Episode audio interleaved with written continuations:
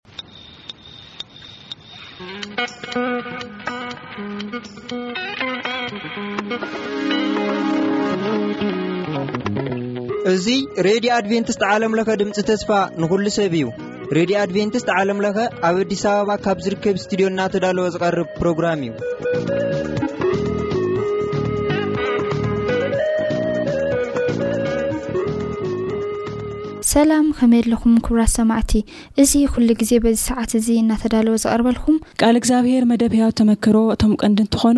ኣብ መንጎ እውን ዝተፈላለዩ ጠዓሚ ዘመታት ኣይሰኣናን ምሳና ፅንሑ ሰናይ ምክትታል።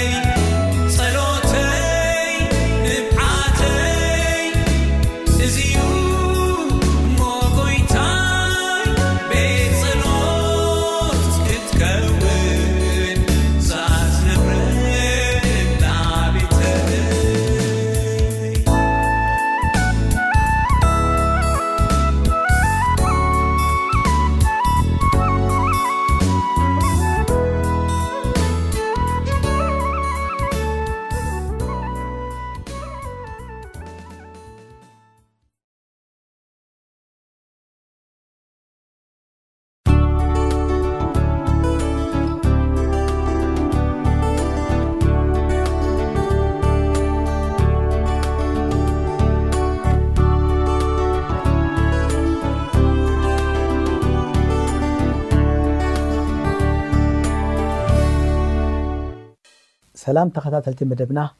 ሎሚ ምስ ሓንቲ ሓዳሽ ጋሻ ከላልየክዩምየ ምናልባት ገሊኹም ኣብ ሆፕ ቻነል ትግርኛ ክትሳተፍ ሪኢኹማ ክትኮኑ ትኽእሉ ኢኹም ሎሚ እዛ ሓፍቲ እዚኣ መን እያ ታሪኽ ህይወታ እንታይ ይመስል ኣብቲ ታሪኽ ህይወታ እግዚኣብሔር ዝገበረላ ነገር ንሳውን በቲ ታሪኽ ህይወታ ኣቢላ ብዛዕባ ኣምላኽ እትምስከሮ ነገራት እንታይ እዩ ዝብል ሕቶታት ዝምልስ መደብ ብሓባር ከነካይድ ኢና ስለዚ ቅድሚ ነዛ ሓፍቲ እዚኣ ምልላይና ጸሎት ክንገብር ኢና እሞ ንጸሊ ቅዱስ ዘላለማዊ ጻድቅ እግዚኣብሔር ኣቦ ብወድካ ብኢየሱስ ክርስቶስ ስም ነመስግነካ ኣሎና ሕያዋይ ኣቦ ሕጂ ድማ ብካልእ መደብ እነሆ ብካልእ ሓድሽ ታሪክ ዛንታ ክንራከብ ስለ ዝክኣልና ነመስግነካ ኣሎና እዚ ኩሉ ካባካ እዩ በቲ እስኻ ዝገበርካልና እሞ ኸኣ ኣብቲ ምሉእ ታሪኽ ህይወትና ዘሎ ምስጋናና እነቕርበሉ መደብ ስለ ዝኾነ እዚ ነመስግነካ ኣሎና። እግዚኣብሄር በቲ ዝገበርካልና ኩሉ መደባት ኣብ ኩሉ ውጻእ ውረድና ምሳና ከም ዝነበርካ እንገልጸሉ እቲ ምሕረትካን ፍቕርኻን ዘይተፈለየና ምዃኑ እንነግረሉ ግዜን ሰዓትን ስለ ዝኾነ ድማ ነመስግነካ ኣሎና። እግዚኣብሔር ንተኸታተልቲ መደብና ኣብቲ ዘለዎ ባርኮም ጸጋኻ ኣብዝሓሎም እነሆ እቲ ዘለና ዛንታ ንሰምዕ ዘበለ ኩሉ እግዚኣብሔር ከምዚ ገይሩለይ እዩ እሞ እምስክር እነግር ኣለኹ ዝብል መንፈስ ክሓድረና ክንነግር ባይታ ክተጣጣሓልና እውን ንጽልይ ኣሎና ስለ ኩሉ ነገር ተመስገን ነዚ መደብና ጀሚርና ክሳብ ንውድእ ምሳና ኹን ኣይትፈለየና ብሽም የሱስ ኣሜን ሕራይ እምበኣር ኣሕዋት ናይ ሎሚ ጋሻይ መን እዩ? ዛንታ ተመኩሮ ህይወቱ እግዚኣብሄር ዝገበረሉ ወይ ዝገበረላ እተቕርብ መን እያ? እስከ ናብኡ ክወስደኩም። ፌቡ እንቋዕ ደሓን መጻኺ። እስኪ እዞም ተኸታተልቲ መደብና መን ምዃንኪ ከይነገርክዎም እየ ጸኒሐ ሕጂ መን ምዃንኪ ድሕረ ባይታኺ እንታይ ከምዝኾነ ባክግራውንድ ክንብሎ እንታይ ከምዝኾነ እስኪ ንዞም ሰማዕትና ከተካፍልዮም። ፌቡ መን እያ ትብል ልምድቲ ሕቶ ኣላ እሞ ፌቡ መን እያ? ናበይ ሰማሃ ይቀንየለይ ስመይ ፌበን ገብረሚካኤል ይበሃል ካብ ኣቦይ ገብረሚካኤል ቃልኣብን ካብ ኣደይ ከዓ ሩታ ሂናብን ኣስመራ ተወሊደ ዓብየ ሰናይ ጓል ኣስመራ ፌቨን ገብረሚካኤል፣ ጽቡቕ ፌቡ ከመይ እዩ እቲ ኣተዓባብያኺ ኣብ ኣስመራ ከመይ ይመስል ኔሩ? ኣብ ኣስመራ ኢኺ ተወሊድኪ? ኣስመራ ማእከል ቤት ትምህርቲ ሓላይ ከኣ ፈለማይ ትምህርቲ ዝጀመርክሉ ኣብ ቤት ትምህርቲ ሓላይ ኣብ ውሽጢ እቲ ቤት ትምህርቲ ኦኬ ኣነ ሕጂ Next ታይ ክብል እንድየ ሓሲበ ነይረ እሞ ብርግጽ ከኣ ኣብታ ቤት ትምህርቲ ሓላይ ውሽጢ ኢኺ ተወሊድኪ። ከመይ ነይሩ እስኪ ካብቲ ውልደትኪ ክሳብ ሕጂ ዘለኽዮሲ ከመይ ነይሩ ኣተዓባብያኺ? ኣተዓባብያ ኣምላኽ ይመስገን ካብ ኣመንቲ ስድራ እየ ተወሊደ። ኣተዓባብያይ ከኣ ከምቲ ቃል ኣምላኽ መሰረት ወይ ከኣ ከምቲ ኣምላኽ ዝኣዘዘና መሰረት ዓቢ ክሳዕ ሕጂ ከኣ በቲ ሽዑ ዝተሰረተ ነገር ክሳብ ሕጂ ኣሕዋት ኣለውኺ ፌቡ ታሪክ እዞም ስድራናሲ ኣካል ናይቲ ታሪክ ሂወትና እንድዮም ኣተዓባብያና ኣብኡ ንዓቢ ናይ ሓዊ ናይ ሓፍቲ ብዓቢኡ ከኣ ናይ ወለዲ ሓሳብ ኣሎ ምናልባት ናይ ወለዲ ሓሳብ ተራ ኣብ ሂወትኪ ክንመጾ ኢና ግን እስኪ እቶም ኣሕዋትኪ ንገርና ወለድኺ ነጊርክና ስለ ዘለኺ ገለ ተሞክሮታት ተዘክሮታት ከኣ ምስቶም ኣሕዋትኪ ብሓንሳብ ስለ ዝዓበኺ ናይቲ ኣተዓባብያኺ ታራ ከኣ ስለ ዝኾኑ ወይ ከኣ ኣካል ስለ ዝኾኑ ውን ክንዛረበሎም ምእንታን። ኣነ እኳ ዕድለኛ እየ ማለት ብልዕለይ ምዕባየይ ማለት እዩ ሰለስተ ኣለዉኒ ብትሕተይ ከኣ መናእሰይ ከኣ ሰለስተ ኣለዉኒ ስለዚ ካብ ስድራቤተይ መበራብዐይቲ ውሉደይ ማለት እዩ። መበራብዐይቲ እግዚኣብሔር ይመስገን ሰናይ እዩ። ጽቡቅ እምበኣር እግዚኣብሔር ይባርኩም እዞም ዘልዓልክዮም ኩሎም ኣሓዋትኪ ኣሕዋትና ከ እዮም ንዓና ሕራይ እምበኣር ከምኡ ካብ ኮነ ሲ ኣብ ኣብቲ ታሪኽ ህይወትኪ ሲ ዝፈልጦ ብዙሕ ነገራት ኣሎ ብቀረባ ይፈልጠኪ ኣነ ግን እቲ ስድራቤታዊ ናብራኹምሲ ከመይ ነይሩ? ኣብቲ ስድራቤትሲ ስጡም ዝኾነ ሕብረት ኣለኩም እሞ ከመይ ይመስል ነይሩ? ኣነ ብዝዝክሮ ኣቢይ ኣይዝክሮን እዩ ግን ኣብ ገዛና ብዕላል ዝሰምዖ ኣብ ቤት ትምህርቲ ሓላይ ብዙሓት ማለት ገረባብቲ ግን ከኣ ኣመንቲ ከም ዝነበርና ከም በዓል መምህር ገረዝጊሄር እንዳ ዓንደሚካኤል ካልኦት ሰለስቲኤን እንዳ በሓጉይ እውን ምሳና ከም ዝነበሩ። እዚ ሕጂ ኣብታ ውሽጢ ሓላይ ቤት ትምህርቲ። ሓላይ ቤት ትምህርቲ። እዚ ማለት ሓላይ ቤት ትምህርቲሲ ሰብ ዝነብረላ ክስታይ ነይራ ማለት እዩ። ኣረ ቀጽሊ እሞ ዱስ ኣተሓሒዝኪሲ ብኸመይ ደኣ ኣብ ሓላይ ውሽጢ ቤት ትምህርቲሲ ብኸመይ ኣብኡ ተወሊድኪ ኣብኡ ክትነብሪ ኽኢልኪ? እዚኦም ሰባት ትብልዮም ጎረባብትኺስ ብኸመይ ኣብኡ ክህልዉ ኽኢሎም? ቅድሚ እታ ዝሓሰብክያ ግን ቀጽልያ ኣቋሪጸኪ ጸኒሐ። እንታይ'ዩ ኣነ'ኳ ኣይዝክሮን'ዩ ግን ንእስነተይ ጓል ኣርባዕተ ዓመት ከለኹ እየ ቀይር ናብ ቦታ ሃገር ኣብኡ ከም ዝነበርና ንሱ ከኣ ናይ ኣድቬንቲስት ቤት ትምህርቲ ከም ዝነበረ ቦኾም እዮም ኣብኡ ነይሮም ስለዚ ጽቡቅ ግዜ ከም ዝነበረ ማማ ከተዕልል ከላ ሰምዓኒ ብዙሕ ናይ ሕብረት ግዜ ከም ዝነበሮም እዚ ፍቅሪ ግዜ ከም ዝነበሮም ይዝክር ማለት ትነግረኒ ጽቡቅ እስኪ እታ ናይ ሻብዒት መዓልቲ ኣድቬንቲስት ቤተክርስትያን ክስታይ ቤት ትምህርቲ እያ ነይራ ኢልክኒ እስኪ ቁሩብ ንገርና ማለት ንዘይፈልጦ ሰብ እውን ከመይ ደኣ እዩ ንዝብል እወ ንሕና እንኳን ኣይርከብናሉን ግን ናይ ኣድቬንስ ትምህርቲ እቲ ኣካዳሚያውን መንፈሳውን ትምህርቲ ይምህሩ ከም ዝነበሩ ሰሚዐ ኣለኹ ማለት እዩ ስለዚ በታ ሻዕቢት ኣድቬንስ ቤተክርስትያን እምነት ዝመሓደር እዩ ነይሩ ማለት እዩ እሶም መመሓደርዎ ኣብኡ ከዓ ይምህሩ ነይሮም ብእርግፅ ክምስረት ከሎ ኣይነበርክን ኣነ እውን ኣይነበርኩን ኣይኮነን ንስኺ እው ሕጂ ግን ኣነ ካብ ዝዝክሮ እንታይ እዩ ስቲል ናይ ክስታይ ኣላ ቻፕል ኣላ ብኣ ቤተክርስትያን ኣብኡ ብዙሕ ኣምልኮ ይግበር ነይሩ ስለዚ ብኣድቬንቲስት ቤተክርስትያን ዝውነን ቤት ትምህርቲ ስለ ዝነበረ ይኹም ንስኻትኩም ከዓ ኣብኡ ትነብሩ ነይርኩም እንጂ ገለ ካብቶም ስማት ፅሒፎም ዝነበርክሲ ተራ ነይሮም ዶ ኣብኡ እንታይ ነይሮም መምሃራን ዶ ነይሮም ኣቀ እወ ግን መምህር ገርዝግሄር ነይሩ ግን ኣብኡ ዝምህር ኣይመስለኒ ኦኬ ስለዚሲ ወይ ኣገልገልቲ እዮም ወይ መምሃራን እዮም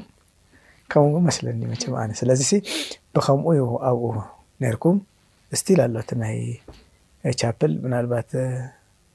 ላይብረሪ ገለ ኮይኑ ኣሎ ኣብዚ ግዜ እዚ ማለት እዩ ዋው ሃላይ ቤት ትምህርቲ ይፈልጦ እየ ኣነ በዓልቲ ቤተይ ቤቲ ኣብኡ እያ ተማሂራ ንቤትኻ ካብ ፀሓኸ እዩ ነረ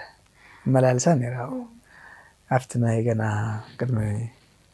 መርዓ ማለት እዩ እናተምሃርና ከለና ኢና ተላሊና ነይርና ኣብኡ ከብጻሕኻ ቀጻሊ ከይድ ነይረ ማለት እዩ ምናልባት ኣብኡ ትዝክርዮም ተመኩሮታት ነጥፈታት ክት ኣሎ ዶ ወይ እውን ካብ ሓላይ ምስ ወጻኺ ዘሎ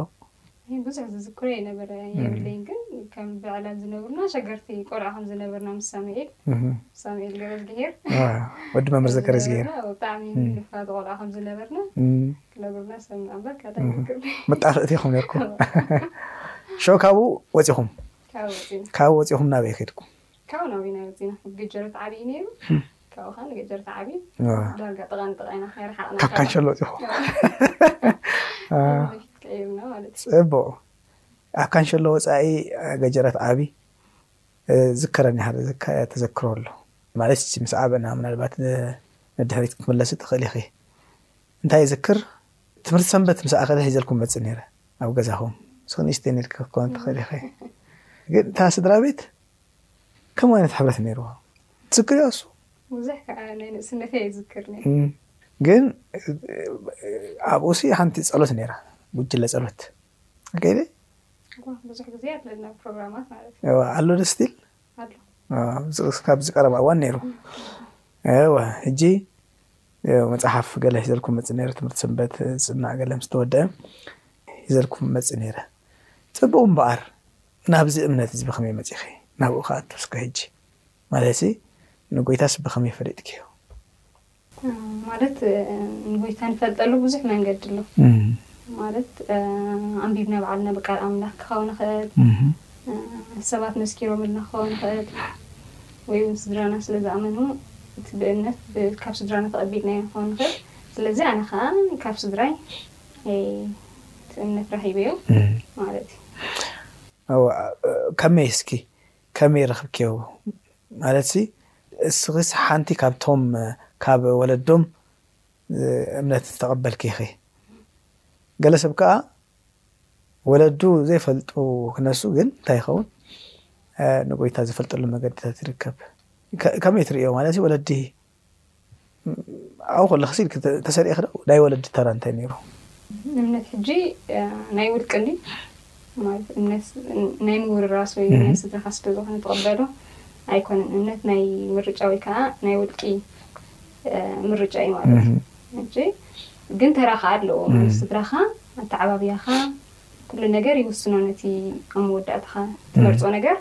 ኣለዎ ተራ ማለት እዩ ስለዚ ስድራኻ በቲ ዝፈለጥዎ በቲ ቃል ኣምላኽ መሰረት ኮስኪሶም ከዕቢኻ ከለዉ ኣለዎ ምክንያቱ እቲ ዝዘርእልካ ዘርኢ እዩ ንደሓር እንታይ ዝኸውን ዝበቁል ወይ ከዓ ክትመርፅ ትኽእል ማለት እዩ ስለዚ ኣተዓባብያይ ከዓ ንካ ብቃል ኣምላኽ መሰረት ስድራይ በቲ ዝኽእልዎ መጠን ኩሉ ኣብቲ ከግሰፆ ዝግበኣኒ ተቐፅዖ ዝግበኣኒ ብፍቓድ ኣምላኽ መሰረት ከ ብኹሉ እንዳኸዝኩ ክወስን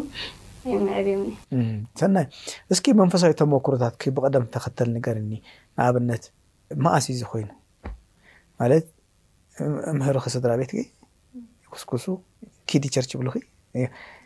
ንስኺ ግን መኣስ እዩ ንኣብነት መኣስ ተጠሚቅኪ መኣስ ልቢ ጌርኪ መንፈሳዊ ልቢ መኣስ ጌርኪ ዝተጠመቅክሉ ቅድሚ ተማሃሪት ከለኹ ሃይስኩል ተማሃሪት ከለኹ እየ ተጠሚቐ ማለት እንታይ እዩ ኣብቲ ልቢ ትገብረሉ ወይ ከዓ ተመዛዝነሉ ዝጀመርካ እዋን ከተንብብ ክትርኢ ምስ ጀመርካ ኣሎ ኣነ ከዓ ከም ናተይ ስታይ በቃ ኣነ መፅሓፍ ቅዱስ ወይ ከዓ ንቃል ኣምላኽ ከም ዘለዎ ናይ ምቕባል ድሌት እዩ ዘለኒ ስለዚ በዚ ዝኣመንክዎ ኸኣ ጌጋ ከም ዘይብሉ ምሉእ ብምሉእ እኳ ማለት ናይ ክርስትና እም ክስታይ ኩሉ ሻዕ ተማሃራይ ኢኻ ትኾን ተ ተማሂሩ ድማሲ ተማሂርካ ወዲእካ ተጽንዖ ኣይኮነን ግን በቲ ኣምላኽ ዘቐመጠልካ ነገር ትኣምኖ ኣሎ ስለዚ ኣብታ እወ እዚ ናይ ብሓቂ ኣምላኽ እዩ ከምልኾ ኣለኒ ኢለ ዝወሰንኩላ ግዜ ኸኣ ተጠሚቐ ማለት እዩ እዚ ሕጂ መዓስ እዩ ክልተ ሽሕን ዓሰርተን ወይ ዓሰርተ ሓደ ክልተ ሽን ዓሰርተን ከባቢ ዓሰርተ ሓደ ዓሰርተ ሓደ ሕጂ እስኪ እዚ ኩሉ ግዜ ኣብ ትምህርቲ ኸ ነርኪ እንታይ ፍልልይ ኣለዎ ቅድሚ ጥምቀትን ድሕሪ ጥምቀትን ቅድሚ ንጎይታ ምፍላጥክን ድሕሪ ንጎይታ ምፍላጥክን ዘለዎ ፍልልይ ከመይ ትገልፅዮ መጀመርያ ኣሎ ወደ ፍልልይ ኣሎ ኣሎ ፍልልይ ምክንያቱ እንዳዕብኻ ወይ ከዓ ግዜ እንዳወሰድካ ትከይድ ከለካ ብዙሓት ቀለልቲ ዝመስሉካ ዝነበሩ ነገራት ዲክኾኑ ክእል እዮም ወይ እውን ንስኻ ኣብ ርእስኻ ካልእ ሓሲብካዮ ዝነበርካ ምስ ግዜ ከምኡ ዘይከውን ይኽእል እዩ ስለዚ እታ ቅዲመ ዝበልኩካ ብኸመይ ማለት ኩሉ ግዜ ዝተምሃራይ ኮንካ ኢኻ ትነብር ማለት ካብቲ ዝሓለምካዮ ወጻእ ክኸውን ይኽእል እዩ ማለት ከምዚ ክኸውን እዩ ከምዚ ክኸውን እዩ ኢልካ ብዙሕ ብመንፈሳዊ ሂወትካ ፕሮግራም ከተውጽእ ትኽእል ኢኻ ግን ደይ ከምኡ ከኣ ክትከውን ትኽእል ማለት ምውዳቕ ምትንሳእ ከም ዘሎ ትምሃር ክርስትና ሂወት ኩሉ በቃ ለሚጽ ጎደና ከም ዘይኮነ ትምሃር ከም ቻሌንጅ ከም ዘለዎ ትፈልጥ ትምሃር እስኪ ገለ ካብቲ ኣብ ማለትሲ ንጎይታ ክትስዕብዮ ዝገበረኪ ብዘይ ናይ ወለዲ ተራ ብቃል እቲ ቃል ኣምላኽሲ እትዝክርዮ እንታይ ኣሎ ንኣብነት ናይ ወለዲ ደሓን ክትነግርኒ ትኽእሊ ኢኺ ግን ነጥበ መቐይሮ እያ ትብልያ ንኣብነት ጥቕሲ ድዩ ክኾን ይኽእል እዩ ትምህርቲ ድዩ ክኾን ይኽእል እዩ እንታይ ኣሎ ትብሊ እንታይ እዩ እቲ ብንእስነትካ ማለት ኣብ ቤት ኣምላኽ ምዕባይ ተራ ኣለዎ። ቃል ኣምላኽ እንዳዓበኻ እንዳተምሃርካ ኢኻ ትዓቢ፣ ብዙሕ ጥቕስታት እንዳተምሃርካ። ስለዚ ንዓይ በቃ እቲ ፍቕሪ ኣምላኽ እዩ እንታይ ገይሩኒ ደሪኹኒ ክብል ይኽእል። ምኽንያቱ ሽዑ እንኳን ከምዚ ከምዚ እዩ ዝብሎ ወይ ዝተፈለየ ነገር ኣብ ሂወተይ ዝተገጠመ እሞ ከምዚ ገይሩለይ ኣምላኽ ኢለ ዝገልጾ እንተዘይብለይ ግን ብዓብዩ እቲ ፍቕሪ ኣምላኽ ኣብ ውሽጠይ ከም ዝሓደረ ይርዳእኒ። ንፍቕሪ ኣምላኽ ከመይ ጌርኪ ትገልጽዮ እስኪ? ገለ ሰብ ምስ ወለዲ ዝተሓሓዞ ኣሎ፣ ምስ ዝተፈላለየ ነገራት ክትተሓሓዞ ትኽእሊ ኢኻ፣ ብኸመይ ትገልጽዮ ኣብ ህይወትኪ? ፍቕሪ ኣምላኽ ማለት እንታይ እዩ? ኣምላኽሲ በቃ ብዝተፈላለየ መንገዲ ይምህረና እንድዩ። ኣነ ፌብን ኮይነ ቆይመ ክነብር ወይ ከዓ ክህሉ ዝገበረኒ ሓደ ኣምላኽ እዩ። ምኽንያቱ ወለደይ እንተኾኑ ኣብ ትሕቲ ኣምላኽ እዮም ካልእ ዝኾነ ይኹን እንተኾነ ኣብ ትሕቲ ናይ ኣምላኽ ነገር እዩ እምበር ብናቶም ኣይኮነን ስለዚ እቲ ዋና ነገር ጥርንፍ ኣቢልካ ተምፅኦ ከለኻ በቃ ሓደ ኣምላኽ ስለ ዘሎ እዩ እንታይ ካትኾ እሱ ምስጠካ ኢልካ እቲ ማለት ነዚ ህጂ ዘለኽዮ መንፈሳዊ ህይወትኪ ንምብርታዕሲ ከመይ ነይሩ ትብሊ? እወ ኣለዎ ግድን ተራ ኣለዎ ምክንያቱ ናይ ቁልዕነት ነገር ኣለዎ ናይ ቁልዓ ክስታይ ይገብረካ ግን ክትመፅእ ናብቲ መስመር ክትመፅእ ንቤተክርስትያን ክኸይድ ድዩ መፅሓፍ ቅዱስ ከንብብ ድዩ ንክእዘዝ ድዩ ሲ እንታይ እዮም እቶም ስድራካ እዮም ጋይድ እንታይ ዝገበሩካ ምክንያቱ ሓንሳብ ሓንሳብ ንእስነ ስለ ዝኾነ ውፅእ ትብል እሶም ከዓ የስተኻኽሉካ ስለዚ ናይ ወለዲ ተራ ኣዝዩ ዓብዩ እዩ ፌቡ ንእሽተይኺ ሕጂሲ እቲ ዘለኽዮ ዕድመ ከኣ ኣዝዩ ኣሸጋሪ እዩ ምናልባት እቲ ቲንስ ዝበሃላ ኣዝየን ኣሸገርቲ ሓሊፍክየን ኣለኺ ግን ንእስነትን ክርስትናን ንእስነትን መንፈሳውነትንሲ ኣብ ህይወትክስ ከመይ እዩ? ንእስነት ከቢድ እዩ ምክንያቱ እንታይ ዝበሃል ምስላ ንእስነት ዕዳ እዩ ዝብልዎ ሕጂ ሓቂ ዘረባ ብባህረይ ከምዚ ዋላ ኣብ ንእስነተይ ኮይነ ብዙሕ ክስታይ ዓይነት ሰብ ኣይኮንኩን ነይረ ዝሕል ዝበልኩ ዓይነት ሰብ እየ ግን ኣሎ ከኣ ምክንያቱ ኣብ ቤት ትምህርቲ ትኸይድ ኣብ ዝተፈላለየ ናብ ገዛውትኻ ትፅሎ ኢኻ ስለዚ እቲ ፅልዋ ከዓ ገለ ነገር የሕድረልካ እዚ እቲ ፅልዋ ከዓ ከውፃካ ክእል እዩ ምክንያቱ መሓዘይ ዝገበረቶ ክገብር ደሊ ከክንደይ ዝኾነ ነገር ማሲ ዝረኣኻዮስ ክትገብር በቃ ክትፍትን ጥራይ ኢኻ እንታይ ኢኻ ትተባባዕ ናይ ከምኡ ዕድመ ስለ ዝኾነ ማሲ በቃ ናይ ምግባር ናይ ምፍታን እዚኣ ትብሎ ነገር ስለ ዝኾነ ግን ኣምላኽ ይመስገን ከዓ ኣብ ንእስነተይ ድሓን እዩ ማሲ ብዙሕ እዚ ተፈቲነ ኢለ ዝብለሉ ኣርስቲ ኣይነበሩ ማሲ ብዙሕ ከምዚ መሓዝቦት ገለ ብዙሕ ከዓ ኣይነበሩን ምስ ሓንቲ ሰብ ተቐሪባ እሞ ከኣ ከም ናተይ ጠባይ ዓይነት ዝመሳሰል ጠባይ ተልይዋ በቃ ምሳይ ከም ብዙሕ ዓይነት መሓዙት ዘጥሪ ዓይነት ሰብ ሾሻልካ ኣይኮንኩን ነይረ በይንኺ ግርም በይንኻ እውን ፅቡቕ ነገር እንድዩ ተዘይ ፀሊእኻዮ ሲ ክፉእ ከዓ ኣይኮነን ሓፈሻ ግን ከምኡ ንባል እዩ ግን ኣሎ ዋላ ካብ ንእስነት ምስ ወፃኻ እውን ኣሎ ዝብለካ ነገር ፈታትነካ ነገር ሰይጣን ብብዙሕ ነገር እዩ ዝፍትነካ ስለዚ እንዳክመስገን እናወዳቅኩ እንዳተሳእኩ ምስ ኣምላኽ ኣለኹ ፅቡቅ